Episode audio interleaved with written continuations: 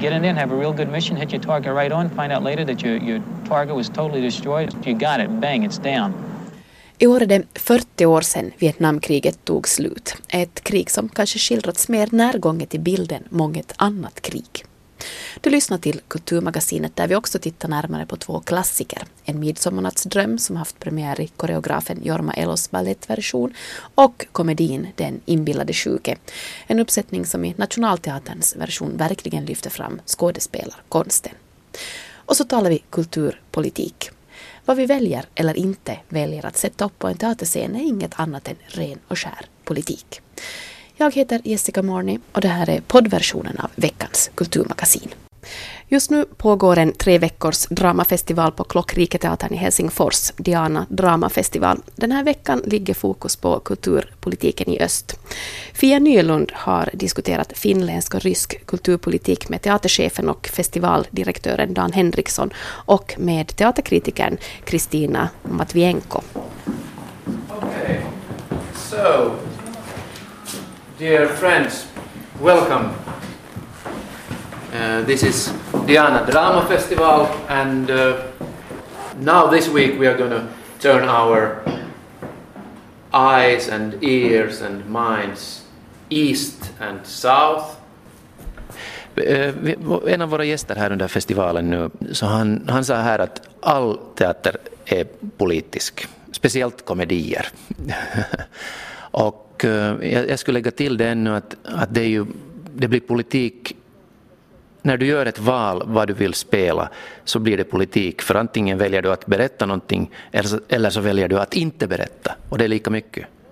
Att om vår nationalscen väljer att spela en konceptmusikal så är det ett politiskt val.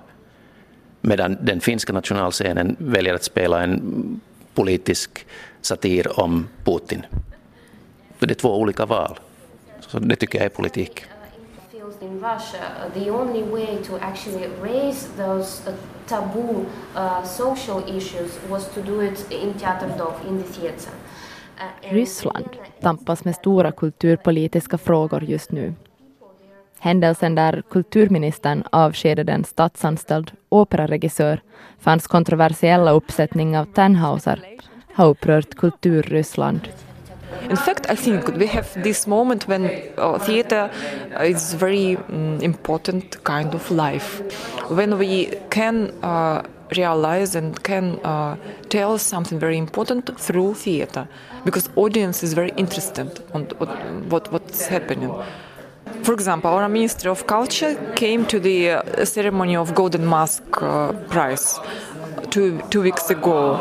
It was his willing, and he uh, uh, Uh, he was at the stage with very famous actors, and uh, uh, suddenly in the silence, somebody shouted from the audience, uh, "Return Tannhäuser." Teaterkritiker Kristina Matvienko berättar att Rysslands kulturminister besökte den stora ryska teaterfestivalen Golden Mask ställde sig en person upp och skrek ”ta tillbaka Tenhauser”. Han syftar förstås på operan. And everybody was shocked and then uh, there was uh, applause for uh, five minutes probably and he was I don't know you understand he felt uh, he felt some a little bit a bit upset probably by this because it very it was very directly uh, directly um, um, impressed by this uh, person's whole. So I think that uh, it was the point when the uh, Minister of Culture uh, met with his real audience. Vi ligger just nu inför ett regeringsskifte. Hur, hur tror du att, att det kommer att, att påverka Finlands kulturpolitik? Jag har svårt att tro att Juha Sipilä ägnar kultur eller konst en enda tanke. Och det är ju där som problemet är. Eh, och det här kommer sig ur det att, att det enda, den enda religionen i politik är ekonomi. Allt styrs via det ekonomiska tänkandet. Och det är ju så kortsiktigt. För ekonomin är ju inte målet. Ekonomin är, är liksom ett medel. Det är klart man behöver pengar.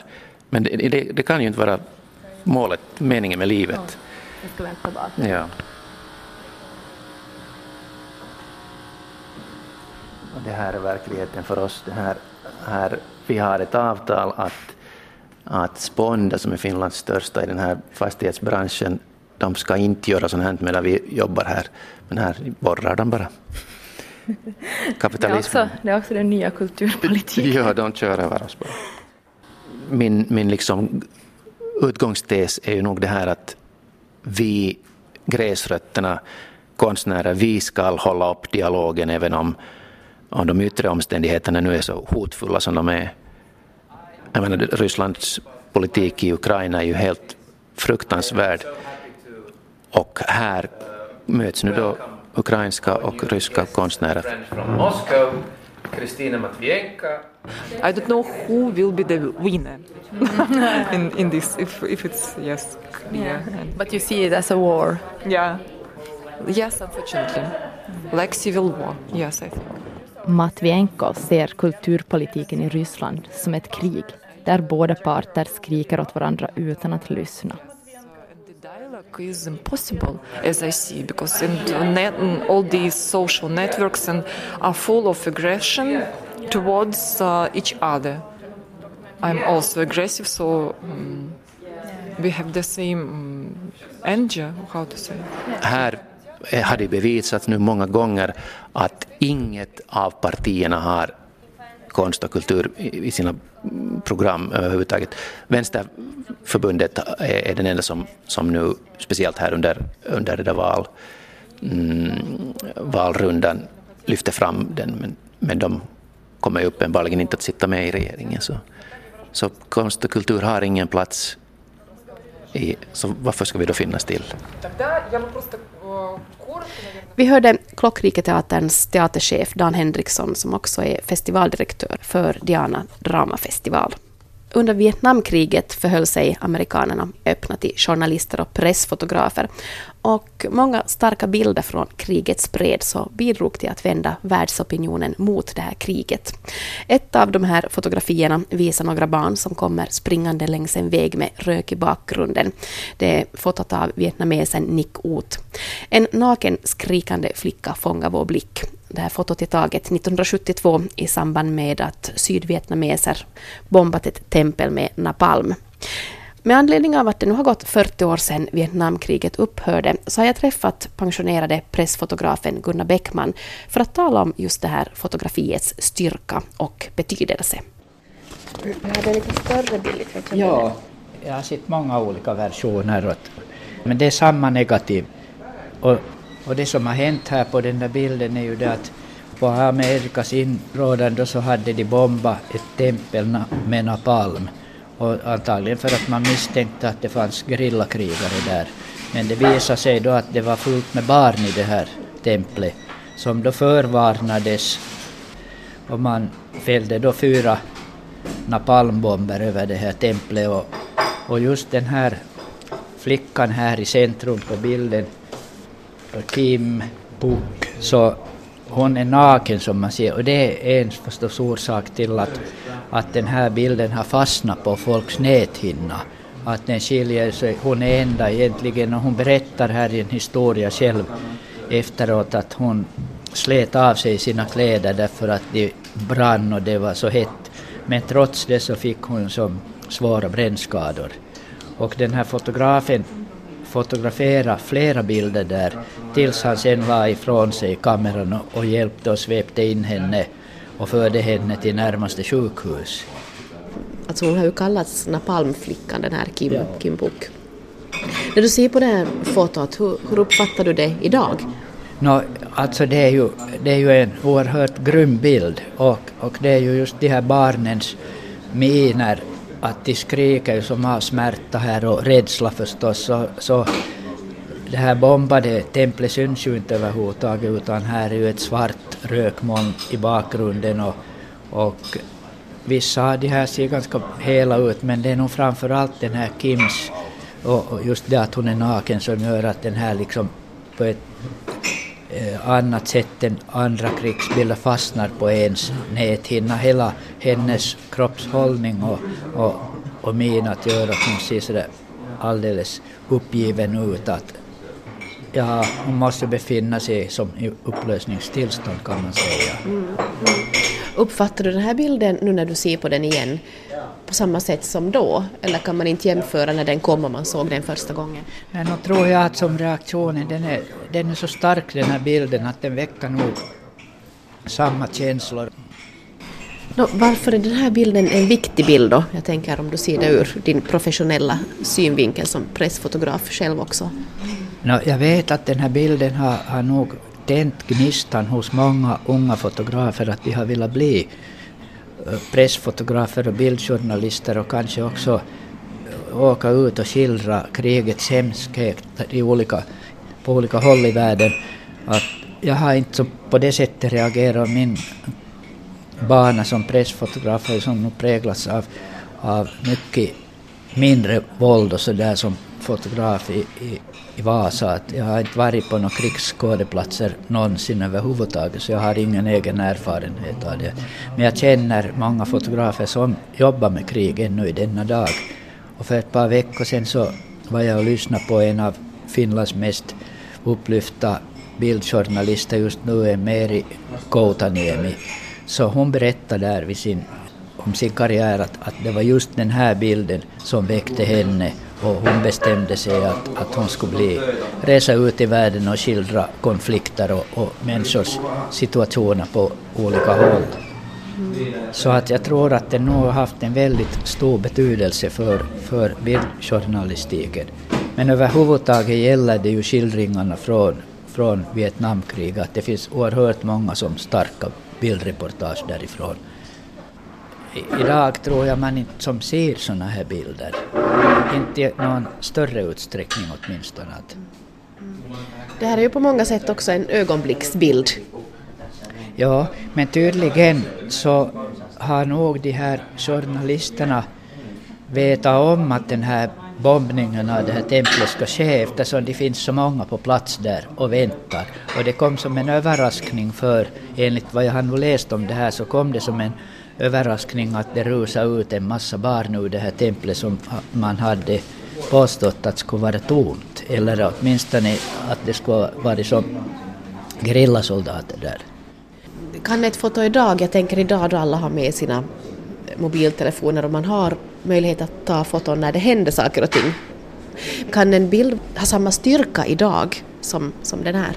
No, det tror jag säkert, men jag tror nog ändå för att ta en sån här bild så ska man nog verkligen vara också en, en duktig fotograf som tar den i rätt ögonblick och så här att sådana som fotar nu med sina mobilkameror, de råkar vara på plats så de är ju ändå de flesta av dem amatörer och bilderna blir ungefär därefter. Att, jag tror i det här fallet har nog hans mål varit att visa det här krigets grymhet. Och det har han minsann lyckats väldigt bra med i den här bilden. Det är många element här som just de här barnens, att de är så oskyddade, att de är, de är offer där. Och sedan ser vi fotografer och soldater, de har hjälmar och utrustning att skydda sig med för området. Barnen är, är, är helt hjälplösa och utelämnade åt, åt sitt öde så att säga. Det konstaterade Gunnar Bäckman som fram till pensioneringen arbetade som pressfotograf på Vasabladet. På Nationaloperan har koreografen Jorma Ellos version av Shakespeares En midsommarnattsdröm haft premiär. Mi Vegelius, du var med. Hur upplevde du Shakespeare så här i ballettform? Jag kunde sammanfatta mina intryck genom att konstatera att Nationalbaletten än en gång har lyckats skapa hisnande vackra tablåer och att det sker i ett myller av scenbyten med karaktärer från många parallella tidsplan. Så först måste jag medge att det kändes så här smått förvirrande där under premiären. Men så här efter att det hela nu har mognat så har bitarna börjat falla på plats. Men är det inte så att en midsommarnattsdröm i sig är helt förvirrande egentligen också? Och det är den ju, absolut. Så om vi rekapitulerar lite. William Shakespeare han skrev sin komedi om kärlek i mitten av 1590-talet. Shakespeare var då i 30-årsåldern och fick i samma tider sitt definitiva genombrott med Romeo och Julia.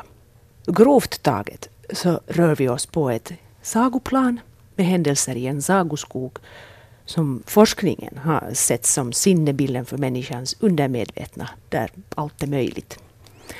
Så har vi också den mer realistiska kärlekens miljö, där vi emellanåt befinner oss i antikens Grekland. Och dessutom så har vi också en pjäs i pjäsen, där ett gäng hantverkare repeterar en pjäs som de ska framföra på ett bröllop. Och är det inte sen också i den här sagoskogen som, som kärlekspilarna börjar vina? Jo, här har vi älvkungen Oberon som ger alven Puck, han med de här små hornen. Han får i uppgift att plocka en ört som har träffats av Cupidos brandpil. Alltså Cupido är då begärets och kärlekens gud. Och det är ju nu som förvecklingarna riktigt kommer igång. Och efter att alvernas drottning Titania har fått av kärleksörternas saft på sina ögonlock så blir hon då kär i en av hantverkarna och hans huvud har ju, ju förstås vid det här laget förtrollats till ett åsnehuvud. Så förutom element av karneval så ingår det i en midsommarnattsdröm också den engelska traditionen vid högtidshelger. Den man vid uppvaknandet först ser på St. Valentine's Day så blir ens Valentine. Och dessutom så kunde man säga att här finns en viss liten jämlikhet för på den dagen så tycks kvinnor ha haft rätten att välja vem de ville gifta sig med. Så där i motsats till hur det då var i verkliga livet. Mm. Då koreografen Jorma Elo, berätta lite om honom. Den många gånger prisbelönte koreografen Jorma Elo, han är ursprungen ur Finlands nationalballett. Han har erfarenhet från kompanier som Gullbergbaletten, Netherlands Dance Theatre och Boston Ballet. Och Vaganova-tekniken har han också varit inne på. Han fick förslaget att göra en midsommarnattsdöm för Wiens statsopera. Och den fick sin urpremiär där 2010 som Elos första helaftonsballett. Året därpå så fick Elo ta emot Benoit de la Danse för den och, och, det är ett pris som har kallats dansvärldens Oscar kunde man säga. Så det är fina kretsar vi rör oss i här. Absolut. Mm man kan ju tänka sig att, att Ello har sökt inspiration någonstans också, fast han då jobbar med Shakespeare sen Midsommarnattsdrömmen. Men finns det inspirationskällor utöver Shakespeare? Det finns det. Alltså Elan själv har, har liknat Oberons tjänare Puck vid en hemlighetsfull punkare som rör sig som en tidsmaskin mellan de olika berättelserna. Elo jämför honom rent med det engelska punkbandet The Sex Pistols basist Sid Vicious. No, själv fick jag nu inga punkarassociationer. Uh, Puck i Samuli Poutanens gestalt så uppfattar jag som ett, ett ljust, gladlynt sagoväsen som ställer till med lekfulla spratt. Och Poutanens ypperliga tolkning så hör till det paradoxalt mest varma varmt mänskliga och levande i föreställningen. Förutom då också det unga kärleksparet som rymmer ut i skogen. På tal om ungdomar, alltså här finns också elever från Nationalbalettens elevskola med här, eller hur? Det finns det och de bokstavligen tindrar i sina fina ljusdräkter. Och Puck samverkar med dem så får också publiken att fnissa till. Och ja, i övrigt så hörs skratt bara när botten förvandlas till åsna och, och kommer med sin hjärtkärande och patetiska åsnesång, strångt gjord av Wilfrid Jacobs. På Shakespeares tid så var dialogen med publiken ju livlig. Folk ropade ju och kommenterade högt. Också här så finns ansatser till dialogsökande med publiken, kunde man säga, främst från Pucks sida. Men mitt i det klassiska rörelseschemat så händer det att dansarna vänder sig direkt till åskådarna. Men då i sån här stelnade, en stelnad grimas. Lite sådär som kanske den ryske dansaren Nijinsky i tiderna gjorde som faun. Allt det här tycker jag har att göra ett liksom smått stelnat, eller så stelt intryck.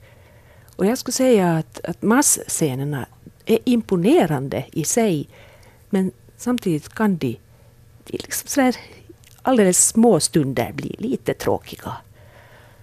Um, och de många karaktärerna och scenbytena gör att den som inte är förtrogen med en midsommarnattsdröm från tidigare som kan göra klokt i att läsa på om handlingen mm. innan. Mm. Men nu är jag nyfiken. Vad blir slutbetyget av det här?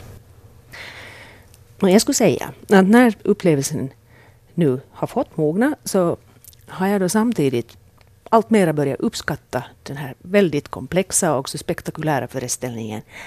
Här finns många verkligt ypperliga dansprestationer och framförallt svindlande vackra scenbilder skapade av Sandra Woodall och Linus Fellbom. Och Linus står bland annat för belysningen. Sådana här slingor som liknar uppförstorade celler kunde man tänka sig eh, singlar emellanåt ner. Och man kunde ju tolka dem som kanske kärlekens urhem. Och scenen med älvorna åkande rutschbana i bakgrunden medan den lilla pagen i sagoskogen står och ser på händelserna i förgrunden. Den är verkligen drömskt vacker. Mm. Måste jag nu fråga, hur går det med kärleken? Ja, det, det går väl bra kan man ju säga. Och än en gång här så kan vi förundras över vad det egentligen är som styr människans val av kärlekspartner. Och hur mycket leds vi av ren biologi och av konventioner våra roller i samhället? Eller finns det något vi kunde kalla en äkta kärlek som bortser från allt annat? Tack ska du ha, Mi Vegelius, för dina tankar om premiären. Och den som själv vill gå och begrunda vidare lite så kan se Jorma Ellos En midsommarnattsdröm på Nationaloperan ännu fram till och med mitten av maj. På Nationalteatern är det humbug och hypokondri som gäller i vårsäsongens sista premiär, Molières Den inbillade sjuke från år 1673. Kristel Pettersson, det här är ju en lite tragisk komedi i den meningen att den blev Molières sista. Ja, han spelar själv huvudrollen, hypokondrikern Argan, men i motsats till rollen så var han själv verkligen svårt sjuk. Den fjärde föreställningskvällen blev hans sista. Och ett slags avsked är det här också för regissören Arto av Hellström. Han kommer visserligen inte att sluta regissera på Nationalteatern men formellt går han i pension i vår. Och att han har valt att göra det just med Molière så det är givet för det är en dramatiker som alltid har stått honom väldigt nära. Ja, och han är väl också den flitigaste Molière-regissören i sin generation. Ja, kanske den flitigaste i alla generationer för tillfället. Intresset för klassiker är ju inte så stort idag och det som kan te sig som ett litet problem med Molière är ju att mycket av det som på sin tid också bet som rätt giftig samtidssatir idag mest framstår som rätt harmlös komik. Men människan är förstås sig lik genom alla tider. Molière hade god blick för våra svagheter och det är också någonting Arto av Hellström tar fasta på i sina regier. Han förlägger aldrig de här uppsättningarna till en annan tid eller miljö utan för dem istället närmare vår tids åskådare genom en lätt parodisk lek med epokdramat. Allt enligt devisen att det rejält artificiella faktiskt kan framstå som verkligare än verkligheten. Men samtidigt så är det här faktiskt en uppsättning som på många sätt är naknare och renare än eh, Arto av Hellströms tidigare. Tonen anges redan i Kati Lukas scenografi bakom ridåns målade sammetsdraperi där en landskapskuliss skymtar fram. Öppnar sig ett scenrum där allt överflödigt har skalats bort. Och i den här mörkboaserade barockinteriören finns bara en detalj som sticker ut. Titelgestalten Argans svarvade stol mitt på scengolvet. Och det är ju den nav allt kretsar kring. Jukka-Pekka Palos Argan är inte bara besatt av sitt eget hälsotillstånd. Han har drivit sin fixering så långt att alltid hushållet ska underordnas hans hälsa. Han är till och med beredd att gifta bort sin äldsta dotter mot hennes vilja för att få en svärson som läkare että koska minä tunnen itseni sairaaksi ja raihnaiseksi, tahdon vävykseni ja sukuuni lääkäreitä, joiden apuun saada turvata niin saada omalta perheeltäni välttämättömän lääkityksen ja samalla tilaisuuden lääketieteellisiin neuvonpitoihin. Näin, Och det krävs förstås en hel del list både av familj och slugotjänare för att få honom att se klart igen. Så där mot bakgrunden av dagens egocentrerade självbespegling och hälsofixering, skräck för åldrande och tilltro till underkurer så bereder det oss nog inga svårigheter att hitta den där gemensamma nämnaren mellan Argan och oss själva. Men under alla komiska turer som nu så där inom parentes sagt nog inte riktigt omistliga alltigenom så träffar den här uppsättningen ställvis också någonting djupare. Eh, längst inne i den där besatta hypokondrikern så finns också en nivå av utsatthet och dödsskräck som berör i Jukka-Pekka Palos porträtt. Eh, på något plan så blir han nästan lite av en Lear-gestalt som är beredd att offra den som har honom mest kär till förmån för dem som bara vill sko sig på hans bekostnad i sin blindhet. Är det det som du avsåg med nakenheten i uppsättningen? Jo, delvis. Den är väldigt fokuserad under kaoset. Men dessutom är det här också en väldigt ren uppsättning i den meningen att den verkligen lyfter fram skådespelarkonsten. Alltså det här rummet är tomt, skådespelarna fyller det och vi som publik ser dem genomgående med dubbelblick. Vi ser dem i sina roller men vi ser dem också i sitt hantverk. Och här finns många väldigt läckra parodiska personporträtt bland annat av Jukka Puotila, Petri Liski och Minttu Mustakallio. Men framförallt en, en dynamik och en timing som i större scener får karaktären av ett orkesterverk där alla bär upp sina egna stämmor med precision. Halveksia minun peräruiskettani. Järjestetään se tänne, minä otan sen välittömästi. Juuri kun olin parantumaisillani teille. Hän ei ansaitse sitä. Olin lähes kokonaan puhdistanut ruumiin ja häätänyt elimistöinen turvalliset messu. Kuuletteko, veli? Tuskin tusinaakaan tuotteistani ja reitti olisi ollut selvässäkin pohjaa. Hän ei ole teidän huolenpitonne arvo. Mutta koska te ette halunnut parantua minun käsieni kautta, Se ei ole minun vika. koska olette pettänyt oman lääkärin luottamuksen, Se huutaa kostoa. koska rohkenette kapinoida minun lääkemääräykseni vastaan, Suinkaan. ilmoitan jättäväni teidät surkuteltavassa tilassa oman elimistönne arvon. Alltså av Hellström står själv för den finska nyöversättningen och här finns till exempel scener där de olika stämmorna som här talar i rytmisk fläta eller på varandra utan att det någonsin blir gröt. Och bara det är en fröjd i ett teaterlandskap där ordet vanligtvis inte är det som hanteras bäst vare sig på svenska eller finska. Tack ska du ha, Kristel. Radioteaterns Camilla Telestam gästar också Kulturmagasinet idag. Och ni har lyft fram en idag mycket populär tysk dramatiker. Camilla, vem och varför? Eh, Jo, det är Roland Schimmelpfennig. Och han är mycket speciell för att han är väldigt känd idag och han spelas överallt i världen och speciellt i Europa. Medan här i Finland har man inte spelat honom så mycket och på finlandssvenskt håll ännu mindre. Men om man nu ska säga någonting om honom, varför han kanske är så här eh, omtyckt, så är att han, han skriver väldigt väl. Han skriver med otrolig teknisk medvetenhet och ett slags eh, brechtianskt grepp. Han låter alltså tittaren, lyssnaren, sällan gå in i en historia på det sättet att den skulle börja inleva sig i huvudpersonernas liv, utan han bryter hela tiden med någonting och skapar distans. Han gör liksom skådespelarna mera till någon slags vittnen eller berättare och inte så mycket upplevare. Nå, ni har då valt att, att sätta upp hans Gyllene draken. Vad handlar den pjäsen om? Eh, Gyllene draken handlar om allt möjligt. Den handlar om globalisering, det handlar om utsugning, det handlar om oändlig girighet, rå styrka, brutalitet. Allt det där mörka i vår värld.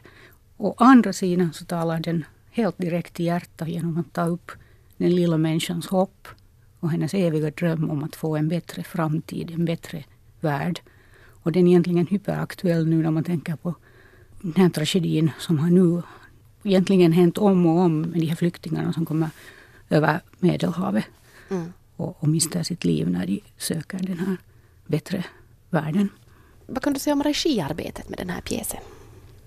Nå, n- jag funderar hemskt mycket på, på det här regiarbetet i och med att det är inte någon lätt stil eller pjäs som han har skrivit. För att det på något sätt tyckte jag påminner mer om någon slags partitur än egentligen en, en text. Det är, så, det är så exakt liksom för att de är berättare men de berättar så kollektivt den här historien, de här skådespelarna. De har alla flera, flera roller. Och kvinnor spelar män och män spelar kvinnor och gamla spelar unga och unga spelar gamla. Och det här är någonting alltså som Schimmelfenich har själv angett så att man kan inte börja bryta där och göra det på något annat sätt. Och utöver det så har han ännu satt in sån här som att paus, kort paus, som skådespelarna ska säga ut. Att det inte liksom scenanvisningar utan det ska finnas med här. Mm. Och då börjar det ju på något sätt likna musik tycker jag. Nå, Gyllene draken, när och var kan man höra den? Man kan höra den ikväll, Radio Vega 21.05. Strax efter vårt program. Ja, sen Alltså. finns den ju också på arenan i 30 dagar efter det. Fint. Tack ska du ha, Camilla Telestam från Radioteatern. Med det är Kulturmagasinet slut för idag. Vi hörs om en vecka. Hej!